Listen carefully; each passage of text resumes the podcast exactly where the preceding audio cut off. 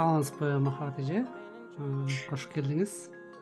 Саламатчылык азамат эмнеге жолукту дебейсизби? Мен көптөн бери ошо сиз менен жолукпай анын үстүнө дагы баягы кажы кужу подкастта көп токтоп калган да анан кийин отуруп отуруп ойлонуп эмне кылсам кандай кылып айтып берсем жаңылыктарды деп ойлонуп отуруп анан ушундай жаңы бир форматка келдим.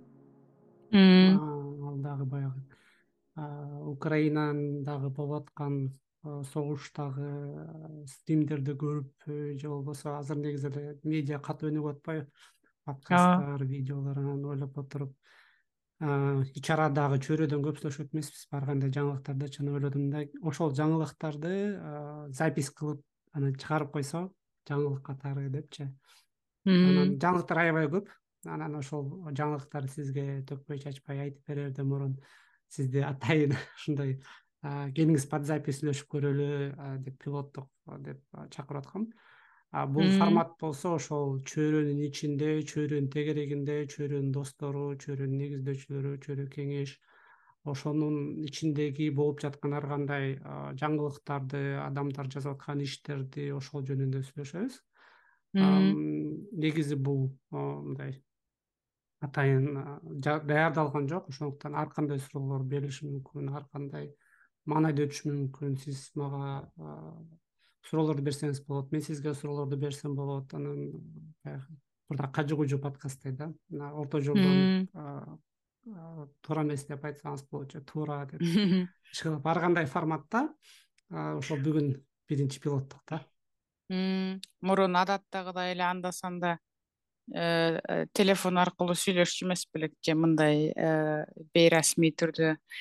Зум аркылуу биздин программаларды долбоорлорду дегендей. Анан марттан бери бир аз биздин да байланыш үзгүлтүккө учурады. Ар кандай себептерден улам? Мен азыр ошо башка жакта жүрүп бир аз үй бүлөмө бир аз көңүл бурдум ар кандай дарылануу процесстери менен алек болдум дегендей. Анан акырындап кайра убакыт келип жетиптир. Жаңылыктар көп экенине ишенем. Баарына кызыктармын.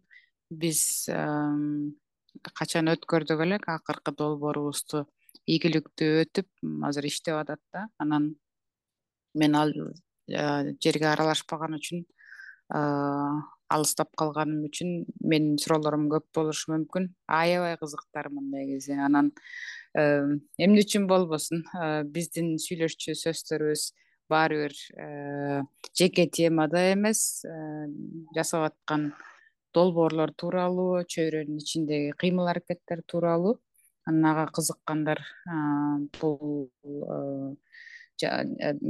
бул сүйлөшүүнү дагы угуп алса алар дагы кабардар болушат экен. Абдан жакшы идея. Ооба ушул чөйрөнүн ичинде дагы сиз менен көп сүйлөшөм. Дагы башка негиздөөчүлөр менен көп сүйлөшөм жаратмандар менен көп сүйлөшөм. Анан абдан сонун жаңылыкты алып алгам да көбүнчөчү. Анан ошондо эстеп калам кой бул жаңылыкты жаңылык кылып жазып анан чыгарыш керек депчи. Анан аны жаңылык кылып чыгаргычакты дагы канча бир убакыт өтөт анан ал жаңылык болбой калат анан айтам блин ошондо эле жаздырып койбой депчи туура. ошол ушул жаңы форматты текшерип көрөлүчү деп. Ооба марттан бери жолугуп атасыз ооба.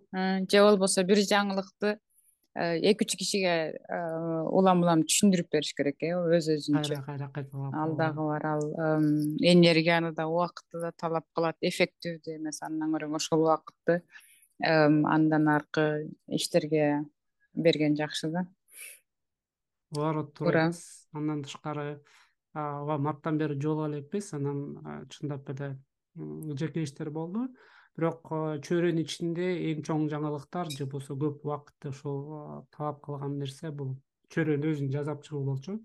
Бир канчанчы версиясын уже жасап чыгып атабыз бирок кайра кайра жаңы курстарды киргизип жаңы долбоорлорду киргизип жаңы командалар киргизип улам улам текшерип атканбыз. Кантип кантип туура иштеш керек депчи анан аягы жетип ошол сайттын оптималдуу бир ошол функционалдуу сайтты жасап чыгып анан анын үстүнө андан тышкары могул жактан фанфарды тудум дегенчи андан тышкары бизде наконец то чөйрөнүн тиркемеси пайда болду. Андроидда айфондо эми болсо биздин баягы талкуулоорубузду whatsappка чыгарып анан телеграмда группаларды ачып отурбай ошол чөйрөнүн ичиндеги тиркемесинде эле тиркемесинин ичинде бүт коммуникация ичинде сакталат да бүт байланыштар. Баягы биз форумда сүйлөшүп жүргөн бизде база болсун же болбосо бизде жаратмандар кайсыл эксперттер кайсыл жакта жашайт эмне кылышат дегендин баарын ошол чөйрөнүн ичинде адамдарды тапса болот ал адамдар эмне кылып атканын көрсө болот кайсыл долбоорлордо иштеп атат профилдери кандай? Андан тышкары ошол долбоорлордун ичине кирип тоже аралашсаң болот. Анан биз негизи башында көп баягы немеге ошол коммуникацияга упор жасап атып анан орто жолдон баягы билимди аралашып кетпей анан сиз кайра кайра айтып жүрчү элеңиз го ошо айти деген жакшы экен силер негизи чөйрө билим деле кылса жакшы болмок депчи. Анан ошол билим деген дагы өзүнчө бир чоң бөлүк болуп кирди. Ал жакта курстар бар платный курстар бар бесплатный курстар бар. Негизи эле ошол мүмкүнчүлүк пайда болду да кирип өзүңдүн курстарыңды ачканга анан аны жөн эле курс кылбастан аны биз деген ал жака китептерди кошсок болот аудио китептерди кошсок болот. Анан гайдлайнс деп жакшы сөз экен кыргызчасын жакшы деп ойлойм гайдлайнстарды киргизсе болот да мисалы кантип долбоорлорду иштесе болот кантип чет мамлекетке кетсе болот кантип бир нерсе кылса болот деген үчүн мындай инструкциялар ошолорду киргизсе болот деген нерсени алып чыктык. Эң негизгиси баары телефонго көнүп калган да. Телефондон баягы немеси келип турат эскертмелерчи типа сага бирөө жазды долбоордо жаңы нерсе ачты деп. Анан ошол концепция менен эми биз сүйлөшкөн долбоордун баарын чөйрөнүн ичине киргизсе болот деп аябай сүйүнүп аткан кезим азырчы аябай жакшы жаңылык экен мага сөзсүз анда жибер аталышын мен э, биз сүйлөшүп бүткөндөн кийин тиркемени түшүрүп алайын. Мен чөйрөгө илгери эле катталгам да биринчилерден болуп бирок кийин эмне каякта билбей калдым. Анткени аябай көп болуп кеткен. Анан сайт канча жолу улам улам жаңыланды. Башкача болуп башкача болуп аябай жакшы болуптур аты айтылгандай эле чөйрө. Google playден же болбосо apple storeдон кирип чөйрө деп алса же болбосо чөйрө точка комдо киргенде эле жаңы ошол э, apple менен google берген бэчтерди коюп койдум. Ошо басканда сразу эле ачылат анан кызыктуусу э, ошол appleга чыгарып атканда чөйрө деп чыгарсам ө менен чыгарсам э, apple кабыл албай койду. Анткени ал жакта кыргыз тили жок экен орус тили англис тили немис тили башка тилдер бар экен бирок кыргыз тили жок экен да анан ошол текшерет катуу текшерет. Жок сиздер башка тилде жазып атасыңар ошол башка appleдин ичинде баары тилге жазылган деди да. Анан ойлонуп отуруп англисче жазсамбы же өн о кылып жазып койсомбу деп анан биздикилер көбүнчө дагы баягы кыргызча жаңы үйрөнүп келаткандар өөнү о кылып жазат айла жок макул анда деп appleга. О менен кетти так что чойро деппи. айфондуктар чойро деп чыгат.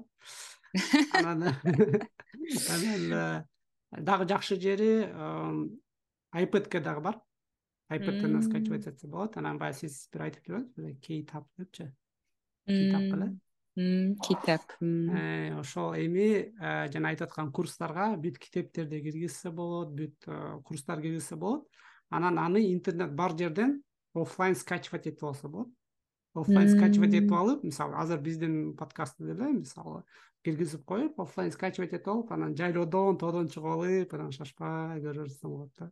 Айылдарга жакшы интернети начар неме жерлерге же болбосо интернет жок кезде ушинтип баарын бир жерге киргизип койсо болот. Айтмакчы китеп жөнүндө китап. Сизден сизден сурайын деп аткам китеп жөнүндө мен фейсбугуман көрүп калдым тег кылыптырсыз анан э, андан кийин мага да жибериптирсиз бирок э, баягы жакшы вникать этип окуй элек болчумун.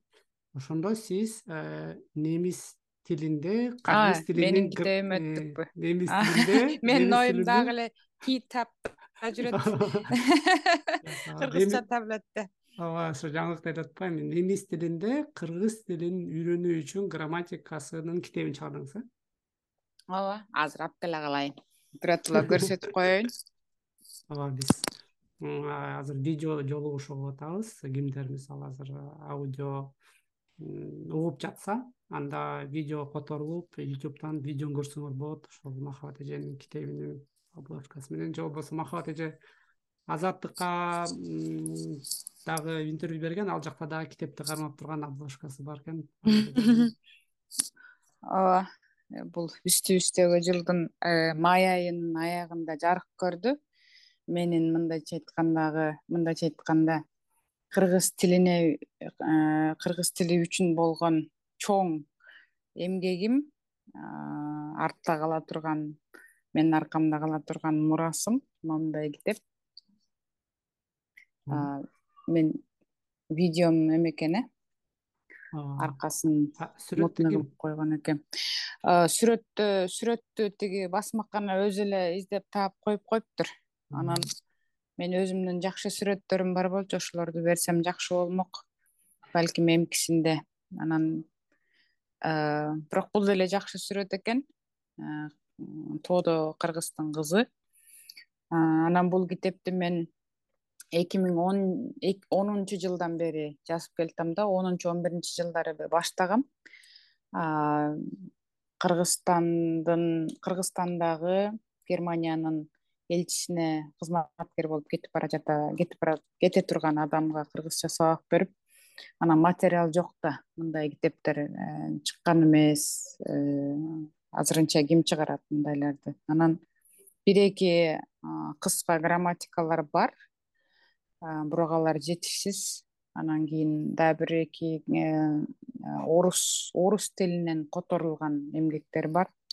Анан алардын баары менен көп ыраазы болбой окуучум дагы аларды жетиштүү эмес деп анан өзүм жазып дайыма өзүм колго жазып эрежелер жазып алып барып аябай даярданып барып сабак өтчүмүн анан кийин ошондон китеп чыкты да анан улам улам жазып жүрүп жазып жүрүп жазып жүрүп бул эми мындай немис англисче айтканда passion деп коет да бул иштеги иштеги нерсе да ушунчалык ортодо биртоп эле туруп калды кыйын болду кээде ушунчалык тажап баштайсың анткени көлөмдүү жумуш дагы болуп калды да мен өзүмдүн жазуу стилимди жакшы билесиң да ал кичине комплекстүү анан илимий тилде мен жөнөкөй э, жөнөкөй жазбайм.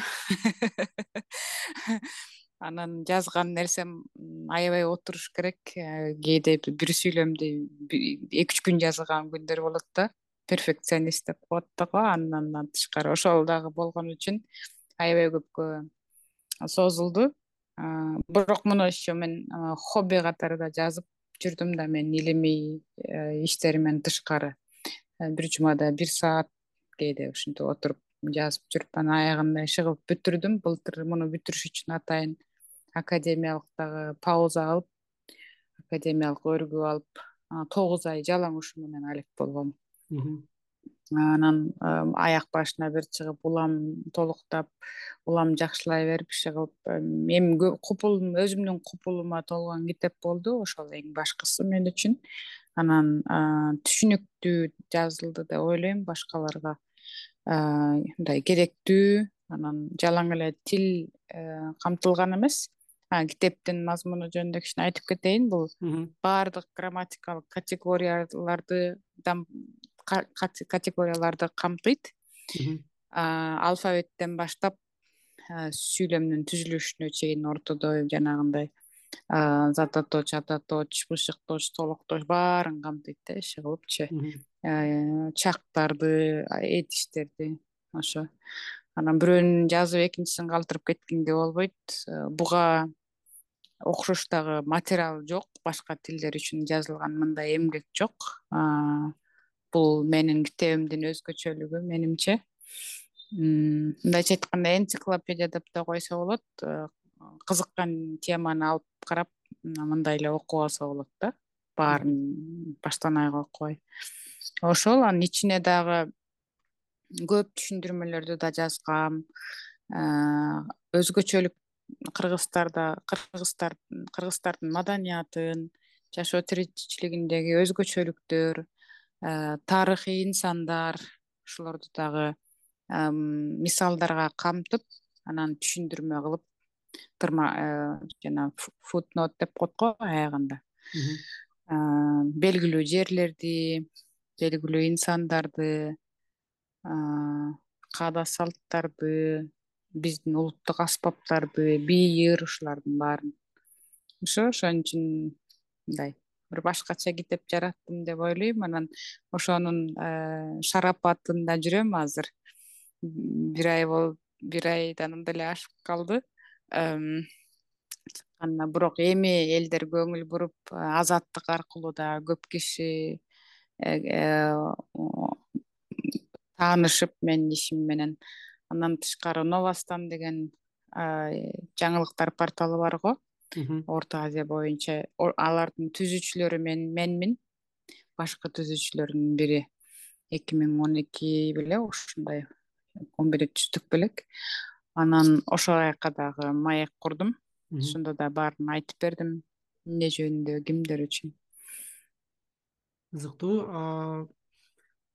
Биздин ошол чөйрө азыр угуп аткан подкастыбыз же көрүп аткандар видеобуз башкалардан айырмаланып биз ушундай жараткан адамдар менен жолукканда сразу кызык пайда болуп биз сурайбыз да кантип жардам берсе болот депчи. Сизге кандай жардам керек?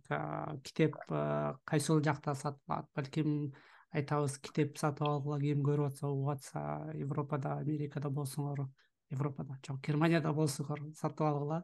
Немис тил э. немисче сүйлөсөңөр же болбосо немис коллегаларыңар болсо жибергиле.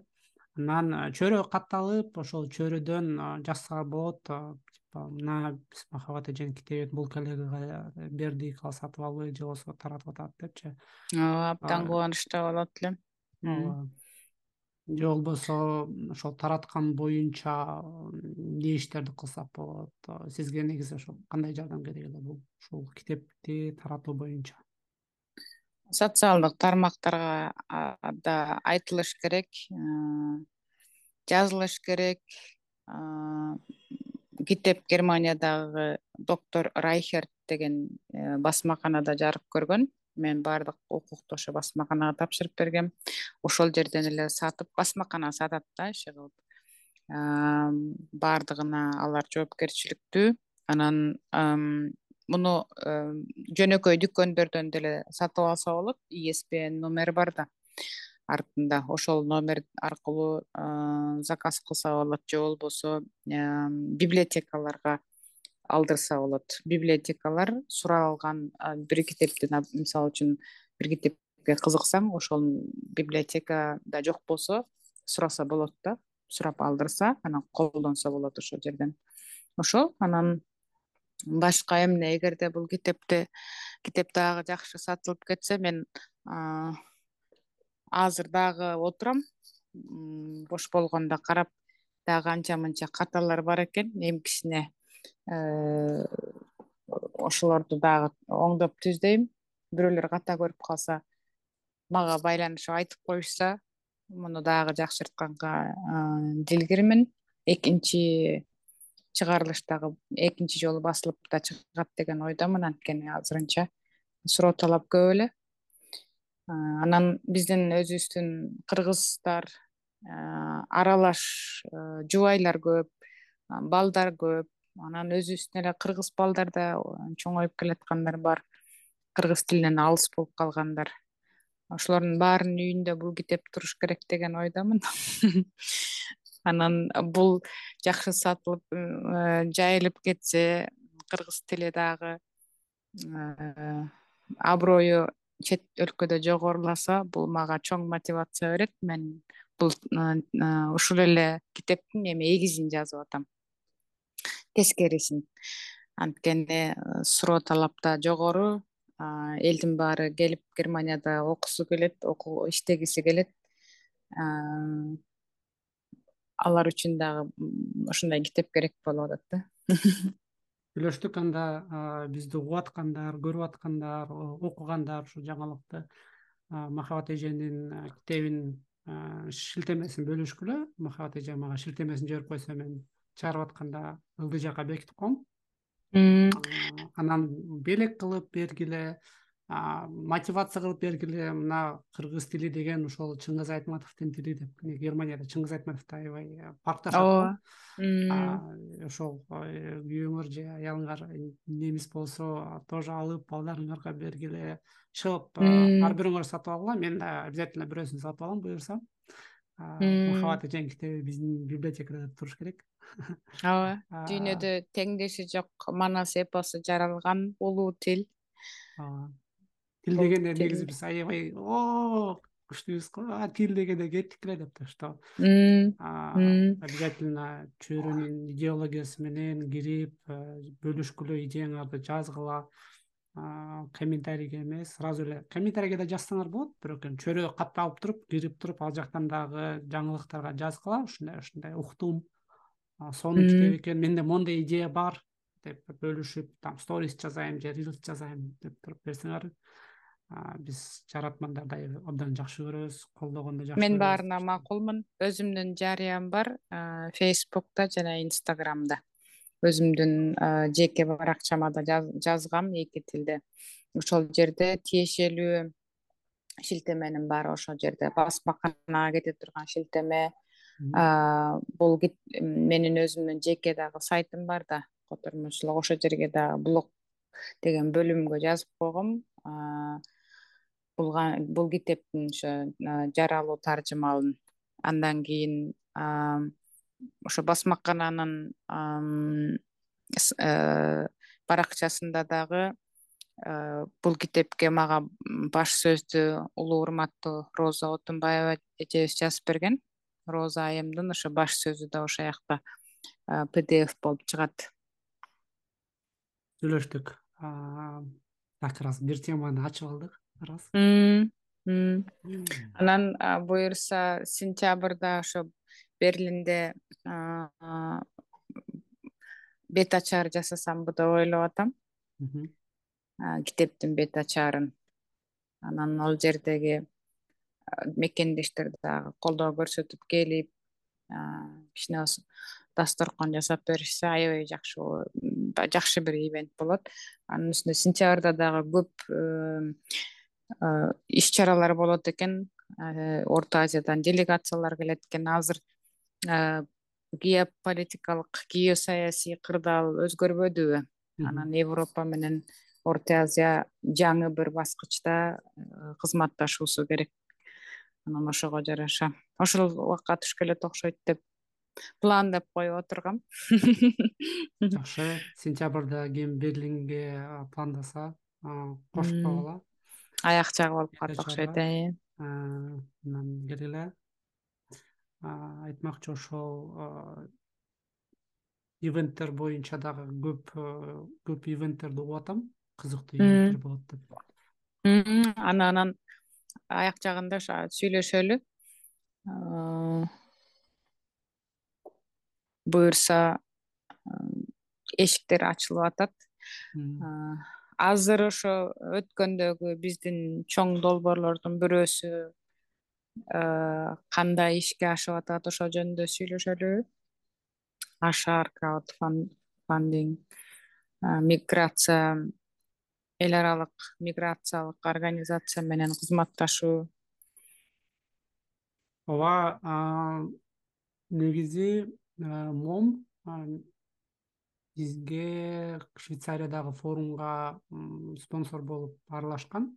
Ага чейин кажы кужунун бир ошол миграция жөнүндө бир алты подкастын каржылап ооба. кошулушкан болчу.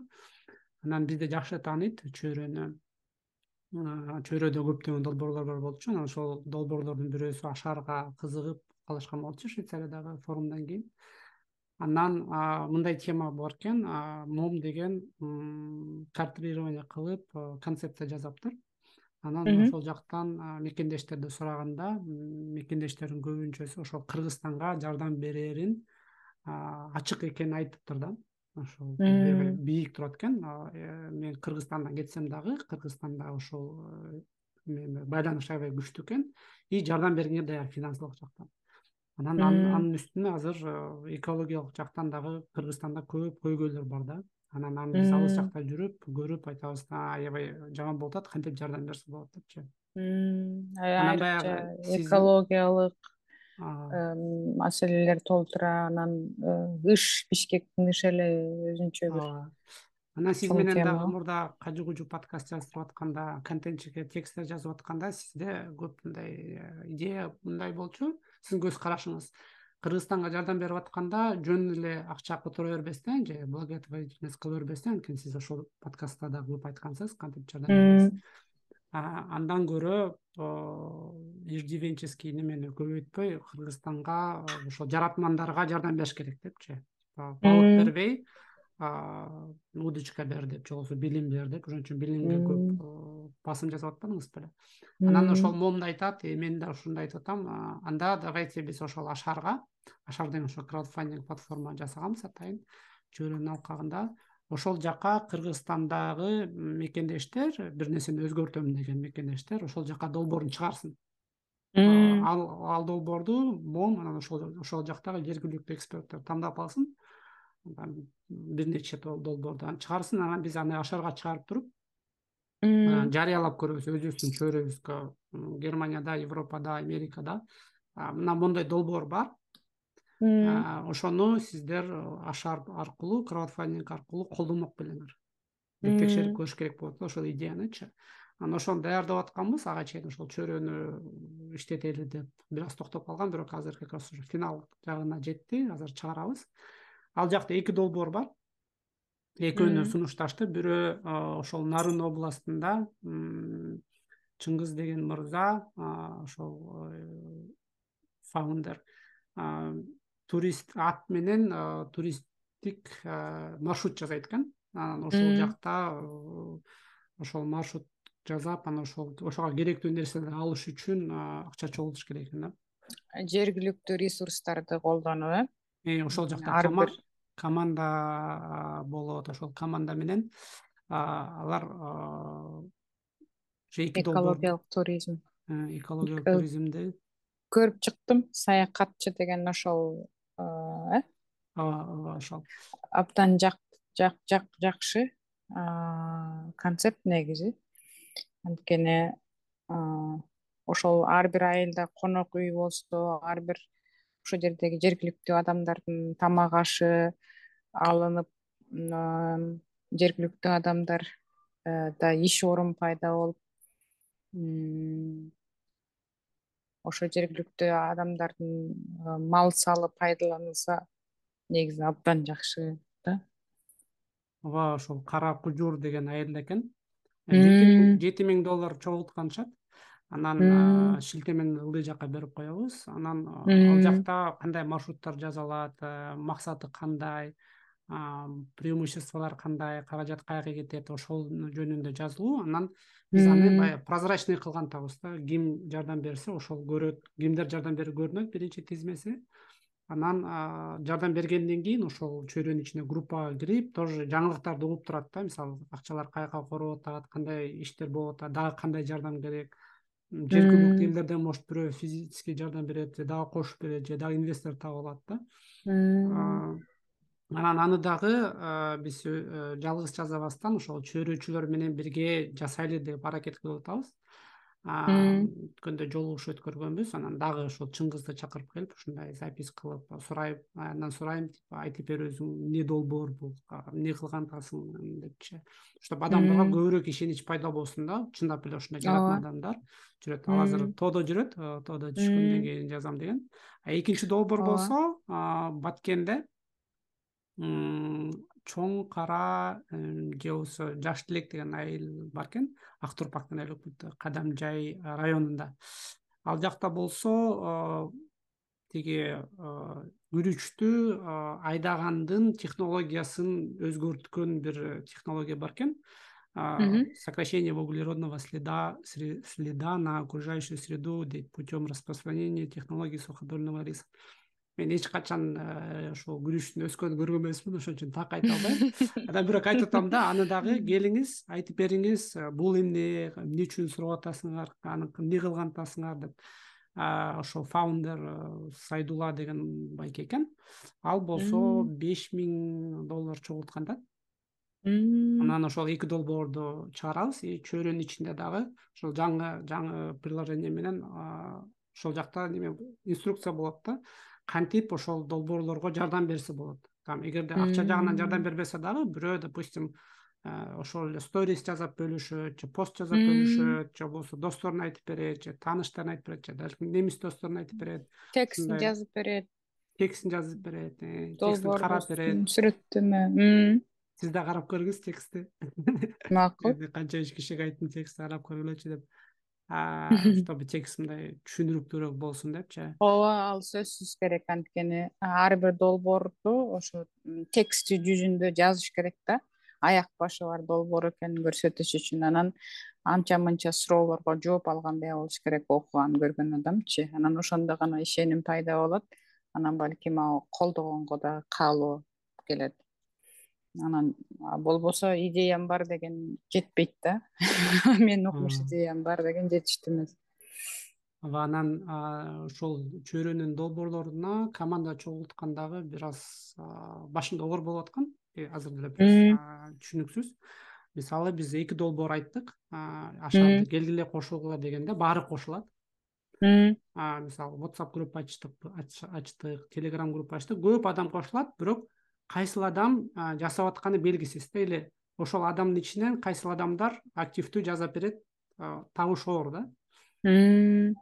Анан ойлонуп отуруп ушундай группалар чогулткан дагы бир аз түшүнүксүз экен. Чогултуп алып анан эмне кыласың? Баары отурат карап ким эмне кылаарынчы анан ошол жана сиз айтып аткан курсту чыгарган функционалды колдонуп туруп ошол курста инструкция жасагантам да мисалы ашар долбоору жөнүндө инструкция. Адам кирет ашар жөнүндө окуйт краудфандинг жөнүндө окуйт. Краудфандинг деген эмне? Мисалы көп адам билбейт краудфандинг эмне экенин.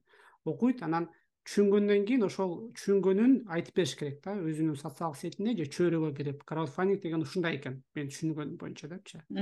Анан ооба ушундай дегенден кийин ошону башка бирөөгө айтып бериш керек да. Ашар краудфандингде бар ал ушундай экен ошол жерде эки долбоор бар экен ошого кошулсаңар болот или өзүңөрдүн долбооруңарды кошсоңор болот. Деп ошол курстун ичинде ушундай структура да мисалы теория жагынан түшүндүрүп берет. Эмне экенин ашарды темасын алдында тапшырма. Э? Анан тиги долбоорду да там текст ушундай текст окуп чыгыш керек. Түшүнгөнүңдү айтып бер же болбосо ошол текстти оңдойм десең тоже жазыш керек да. Могул текст моундай туура эмес экен депчи. Андан башка сунуштар бериш керек. Мисалы могул жактан могу сүрөт начар давайте жаңы сүрөт тартабыз мен сүрөт тартып берем. Или мен видеосун тартып берем. Же болбосо мен жөн эле инстаграм чыгарып берем деп ошол тапшырманы жасаш керек. Анан ошол жасап аткан ошол курстун ичинде жасап аткандардын көрөбүз ким эмне кылып аткандарынчы анан ошол адамдарды ошол чөйрөнүн ашар группасына кошобуз да. Получается ошол группанын ичинде только активдүү иштегендер да. То есть именно колу менен жардам берип иштегендер. Анан ошолордун идеяларын биринчи карайбыз да то есть алардын идеясы бар да. Мисалы бирөө айтат мен китеп чыгарам бирок китеп жаздым бирок чыгарганга акчам жетпейт давай сенин китебиңди чыгарып беребиз. Бирөө айтат там мен птица фабрика салган атам айырмасы жок бирдекени жасаган атам дейт анан ошонун идеясын биринчи карайбыз да. Ал эми жөн эле whatsappта жүз киши отурат ким эмне кылып атканы белгисиз. Ким ар кандай нерсени кылып атат ошону типа кое тургула давайте ким иштеп аткандарды чогултуп анан whatsappта группадан или ошол курсту көргөндөрдөн жасагандардан анан чөйрөнүн ичинде жабык группа жасайбыз да. Анан ошолор менен уже дальше көбүрөөк байланышабыз да. Аттары да билинип калат. Э, иштегендери билинип калат аттары билинип калат ким кандай долбоор жасап атканы билинип калат. Анан биринчи ошолорду ошолордун проектисин биринчи чыгарабыз да кийин чыгарып аткандачы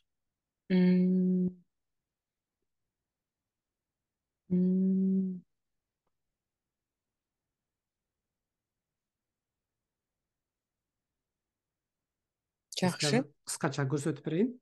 Мүмкүнчүлүктү пайдаланып. Макул. Бир аз айтып берип атканда кээ бирлер түшүнбөй калышы мүмкүн. Эмне болуп атат бул жакта деп. Азыр технологиялар жакшы болот эле билсе болот. Эң негизгиси чөйрөгү катталыш керек. Чөйрөгү катталгандан кийин ылдый жакта мисалы о.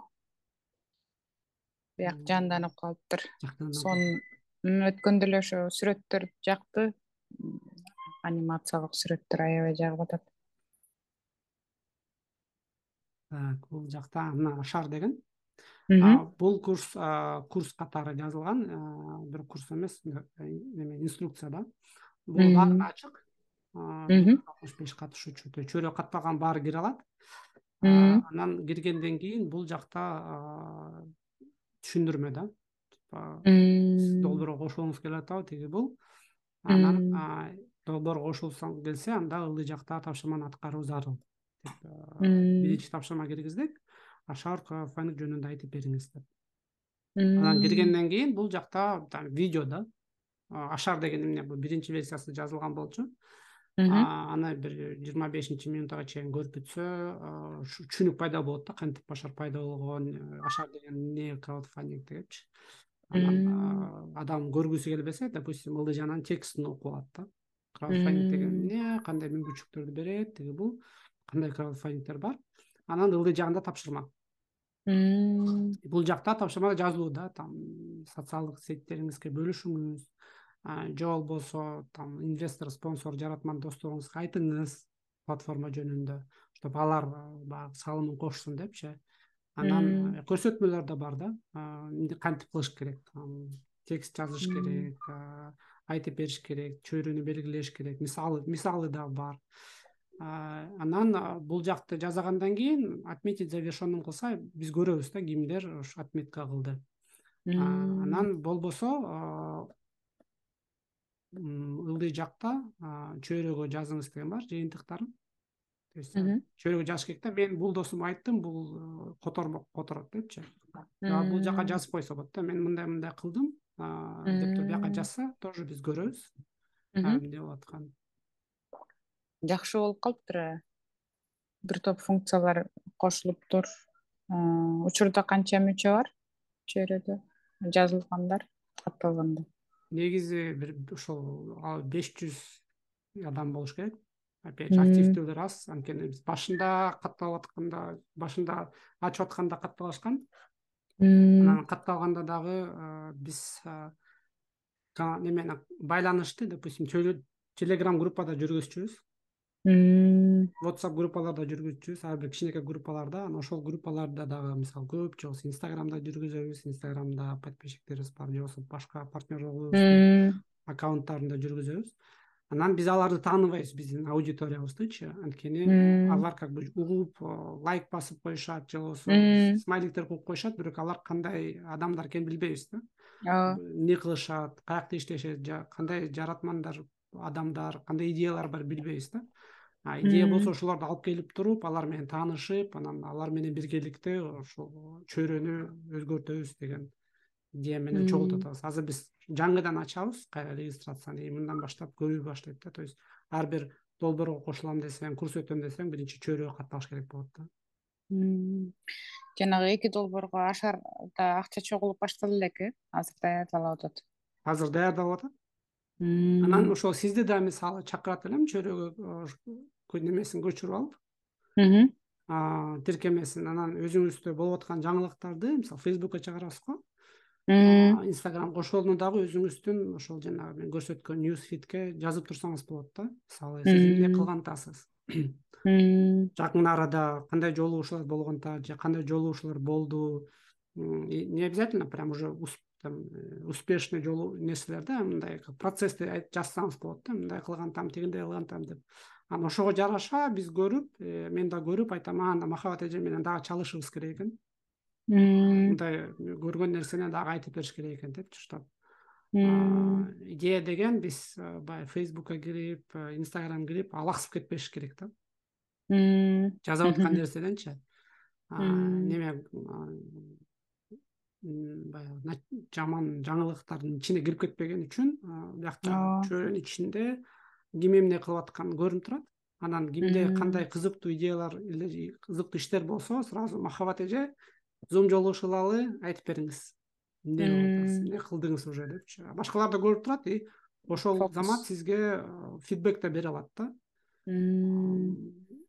Анан ичинде баягы биздин долбоорлор көп болот. Мисалы тил боюнча же болбосо башка бир немелер боюнча ким кандай өзгөрүүлөрдү кылды кимдин курстары кандай болуп атат ким то есть бүт чөйрөнүн ичинде көрүп тура көрүп тура аласыз да сиз дагычы? Жакшы. Бул иш турбайбы иш фейсбук болсо фейсбук инстаграм алар. Кандай десем аякта баардык нерсе бар го иш деле эмес ал. Жаңылыктарды окуп койсоң болот мен ошол менен чектелгенге аракет кылам. Болбосо аякта ала кысып үч төрт саатты кетирип койсо болот.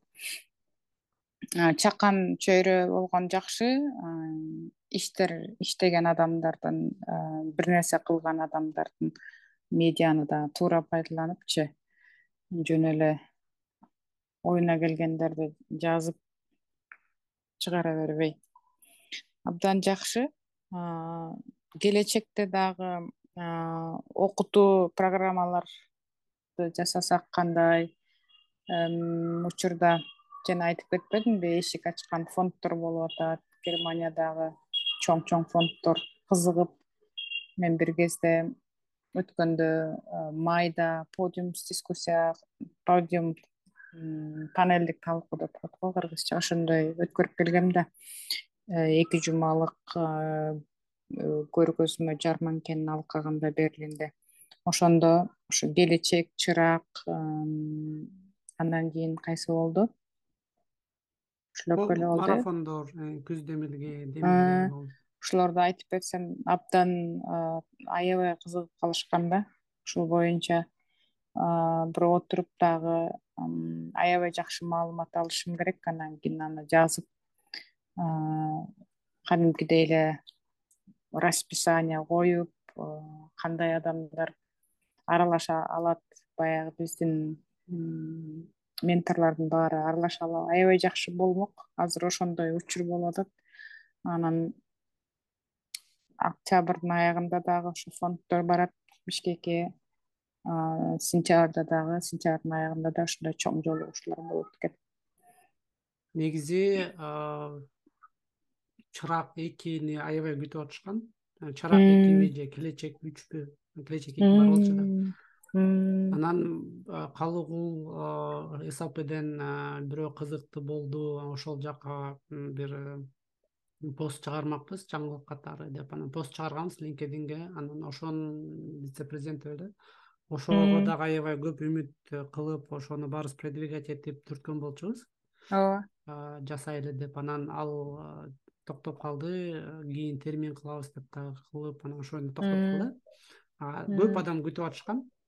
Анын үстүнөн жылдыз академия менен жазып атканда дагы жылдыз академия кийин жараткоо болуп кетти да алар болсо онлайн эмес оффлайн окутууга өтүштү платный оффлайн окутууга.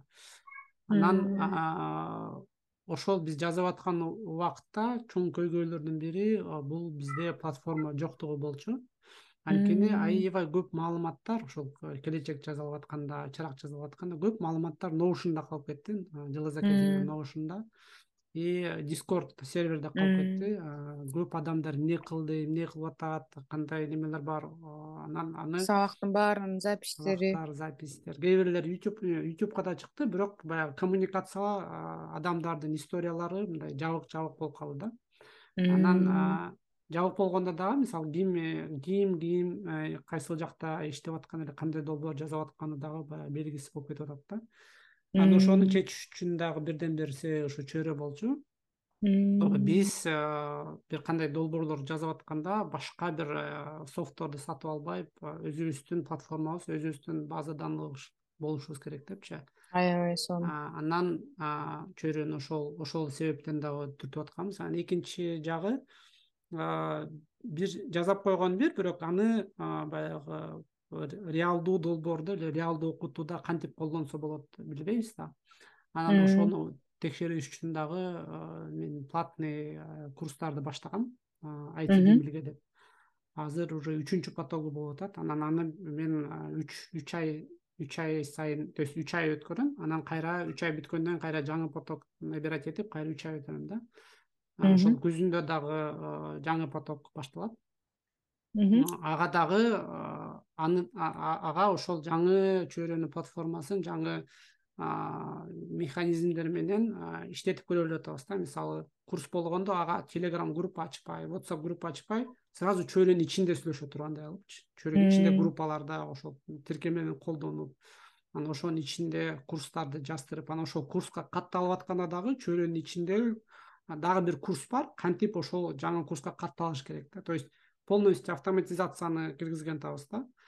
Чтобы адам киргенде мисалы көп чоң проект жасаганда миң киши эки миң киши үч миң киши сразу жазылганда чтобы ага кайрадан көп модераторлор кайрадан түнү менен уктабай жасабай чтобы анын баарын автоматтык түрдө бири бири менен э, баскылап иштеп кетишкенде механизмдин үстүндө иштеп атабыз.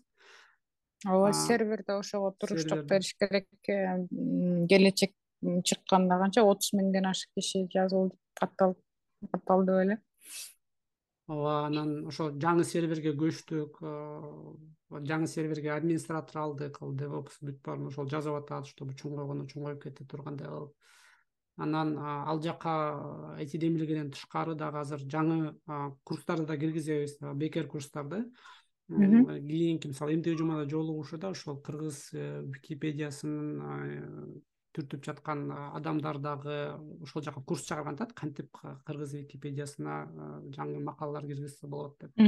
Анан дев курултайда дагы бекер курстар бар аларды киргизген атабыз ойгонуу ойгонуу комьюнити деген бар алардын курстарын киргизген атабыз эмки чогулушка мен дагы катышайын. Диги конуштун курстары бар экен аларды киргиздик анан аларды дагы киргизип көрсөтүп берип ушундай курстарды өтсөңөр болот. Анткени алар көп курстарды даярдап коюштур болчу жаздыр диги конуш аябай жакшы келатат мен аны э, жанагы чөйрө жыйырма экинин э, эң жакшы көрсөткүч демилгеси деп айтмакчымын да. Көрсөткүч үлгүлүү долбоору. Ушундай чоң мотивация менен кетишкен экен. Ооба банур айым аябай көп нерселерди жазып атат. Мен жайында барып келдим жазында келдим ошентип оффлайн жолугушууларда болуп конференцияларга катышып долбоорлорду көрүп ичинен көптөр долбоорлор ошол швейцариядагы форумдан кийин бири бирине байланыш түзүп жанданып э? жанданып ошондон баштап да аябай күчтүү болушуптур да. Ошондон бири бирден чакырып тоже чөйрөгө киргиле айтып бергиле эмне кылып атасыңар дагы кандай жаңылык дагы кандай жардам керек дагы эмне кылабыз деп ойлоп атам анан биздин ошол чөйрө кеңеш деген бар. Ал дагы ачык мурда бүт жабык болчу жолугушуулар ошол ачык эмес под запись жолугушуулар болот.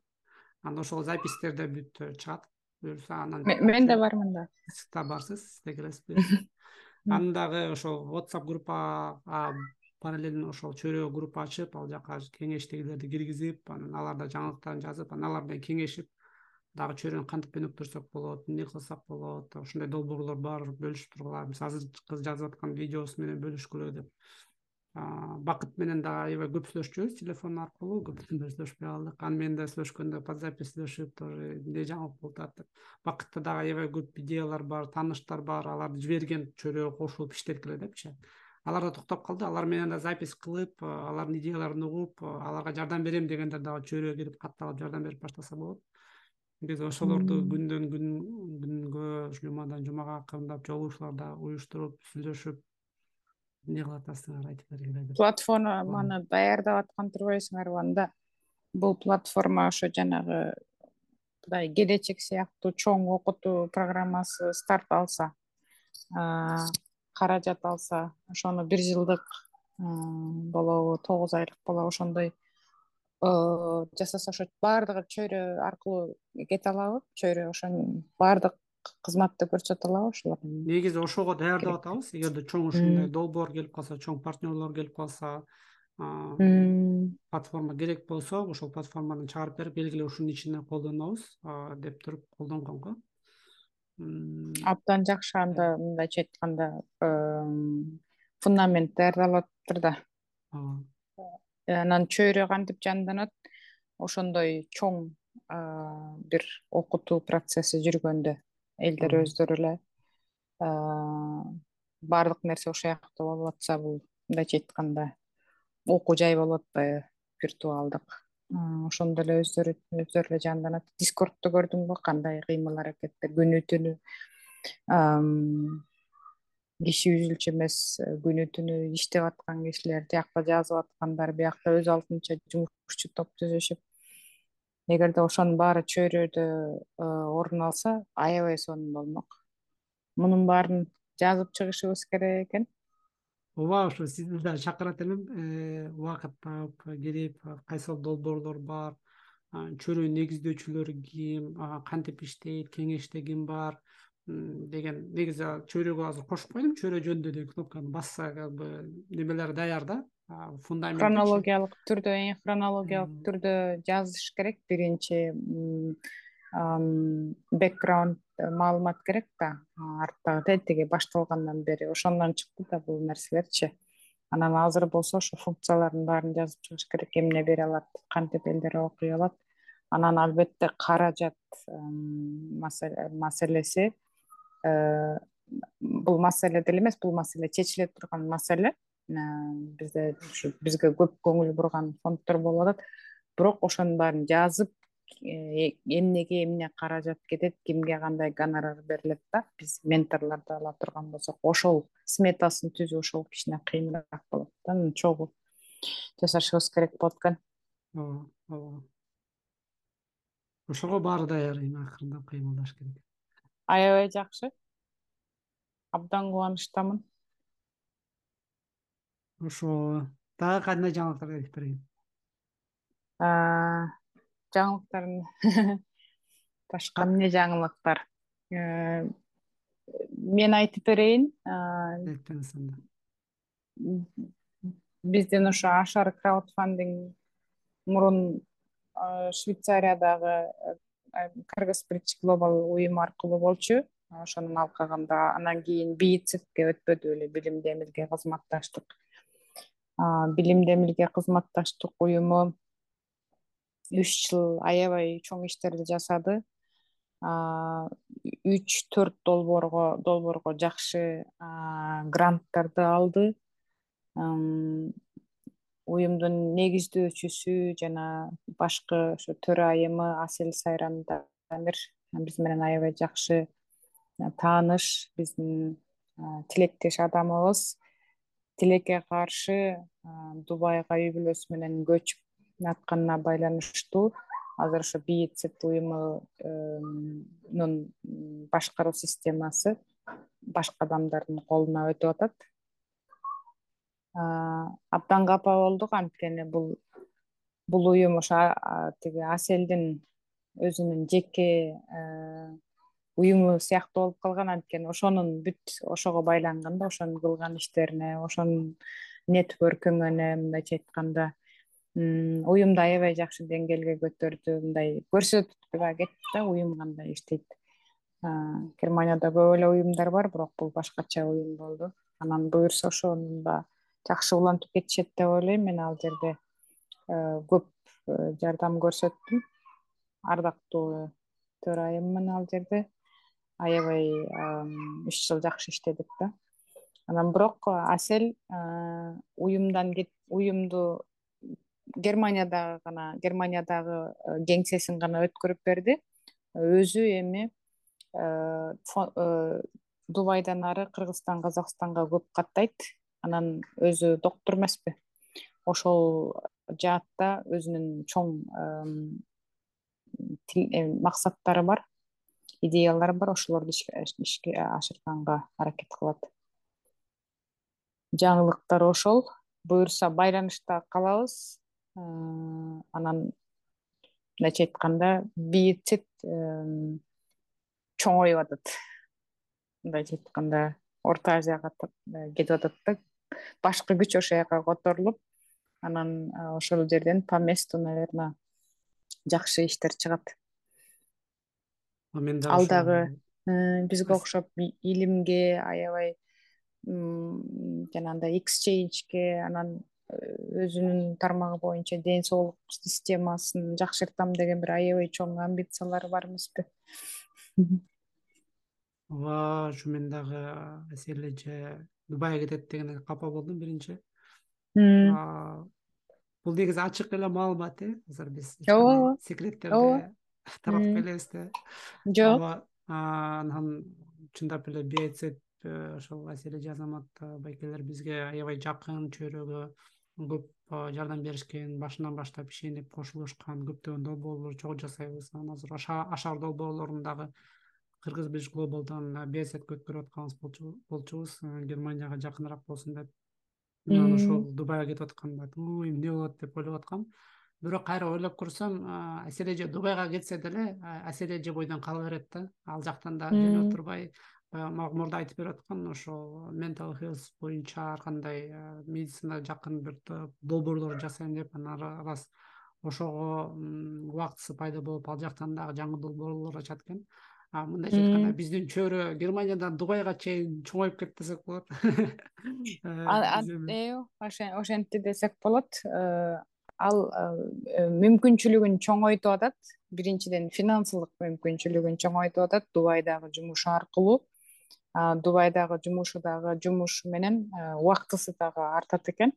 Анан ошол убактысында убактысында орто азияга барып ар кандай иштерди кылып ошого пайдаланат. Анан албетте финансы жактан адам күчтүү болсо дагы ар жак бери жакты карабай өзү жасай иштерин жасай берет да мынага окшогон жумуштарды. Муну деле мен өзүмдүн өзүмдүн каражатым менен эле чыгардым.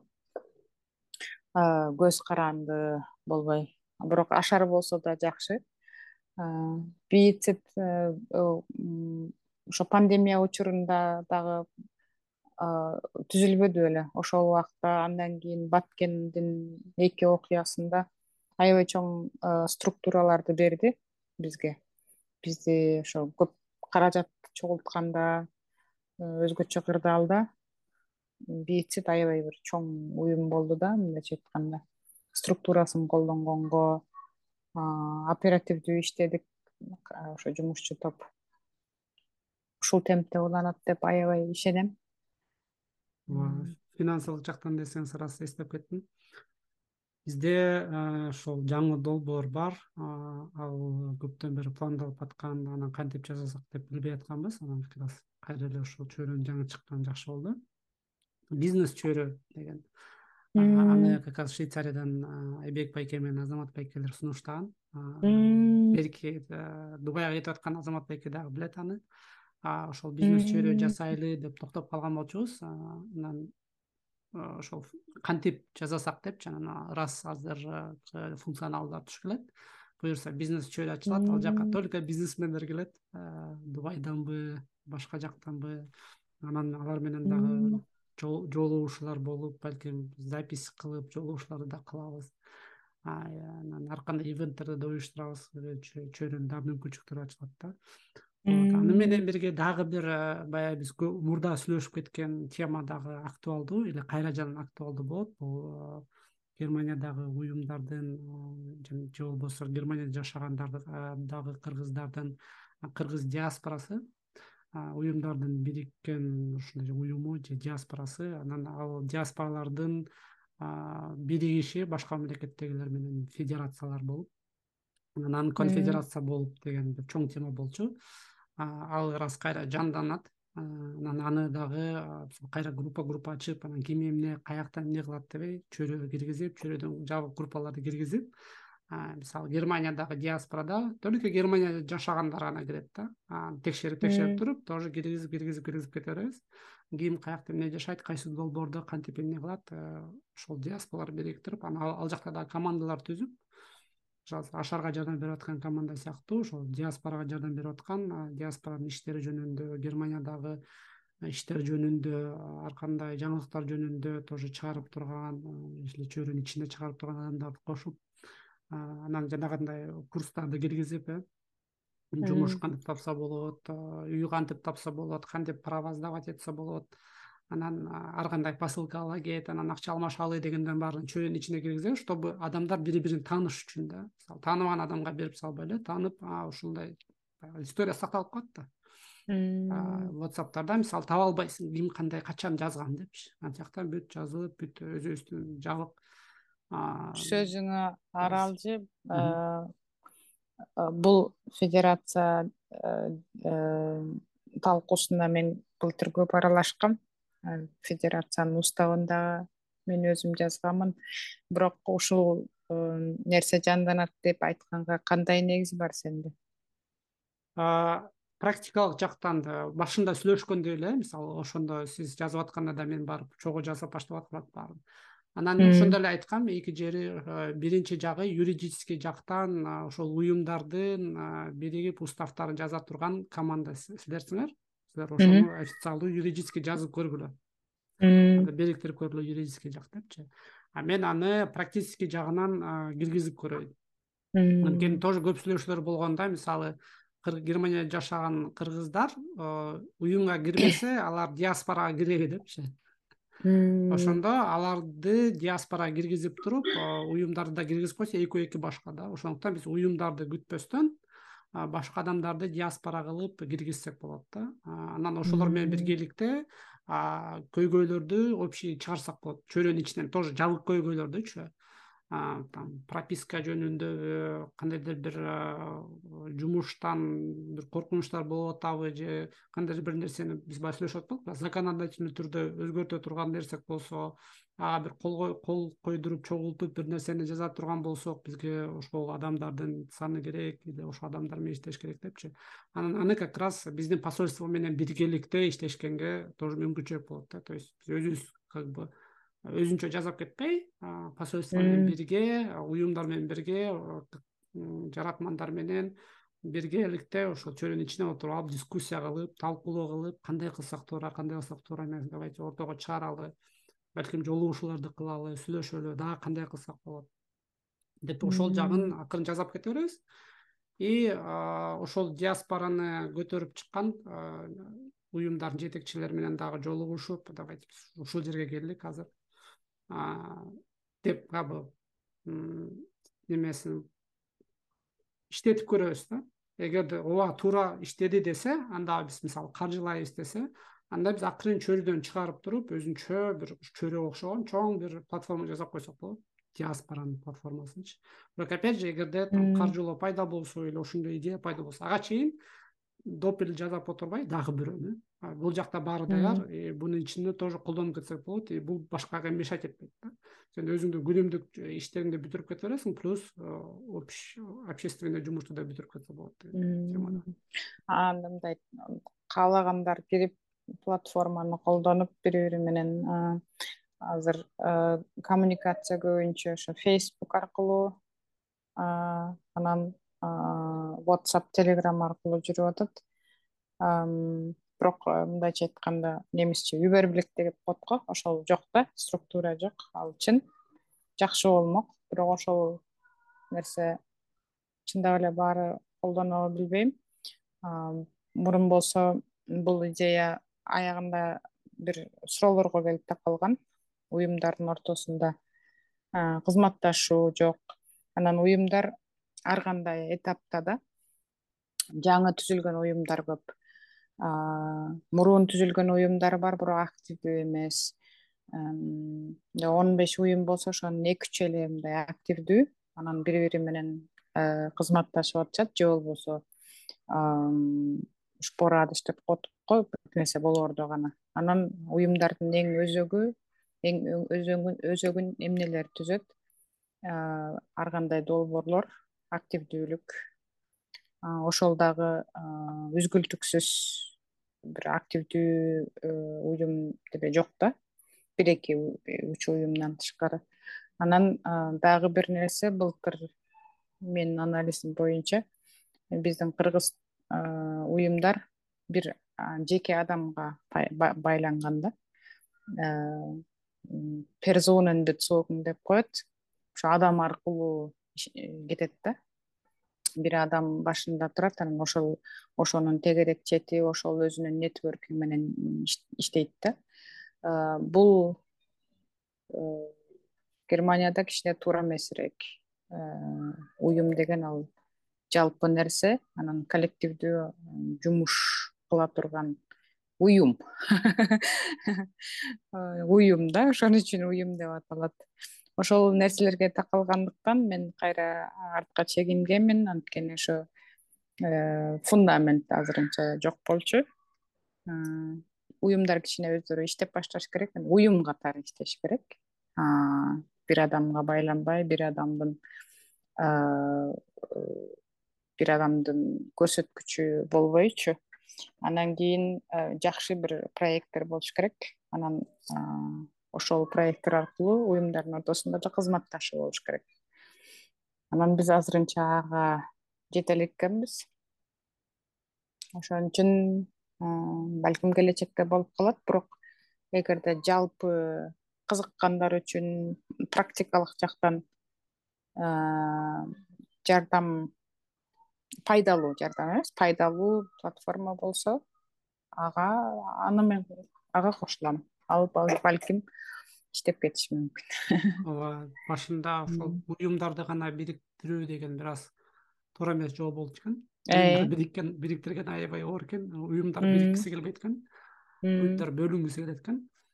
Бирок уюмдар менен бирге анан жашаган германияда жашаган мекендештер менен бирге плюс посольство менен бирге бир жака киргизип туруп анан аны көз карандысыз кылып туруп жабык мындай безопасный бир платформа жасап туруп кошсо болуп кетиши мүмкүн деген теория бар. Ошону текшерип көрүш керек.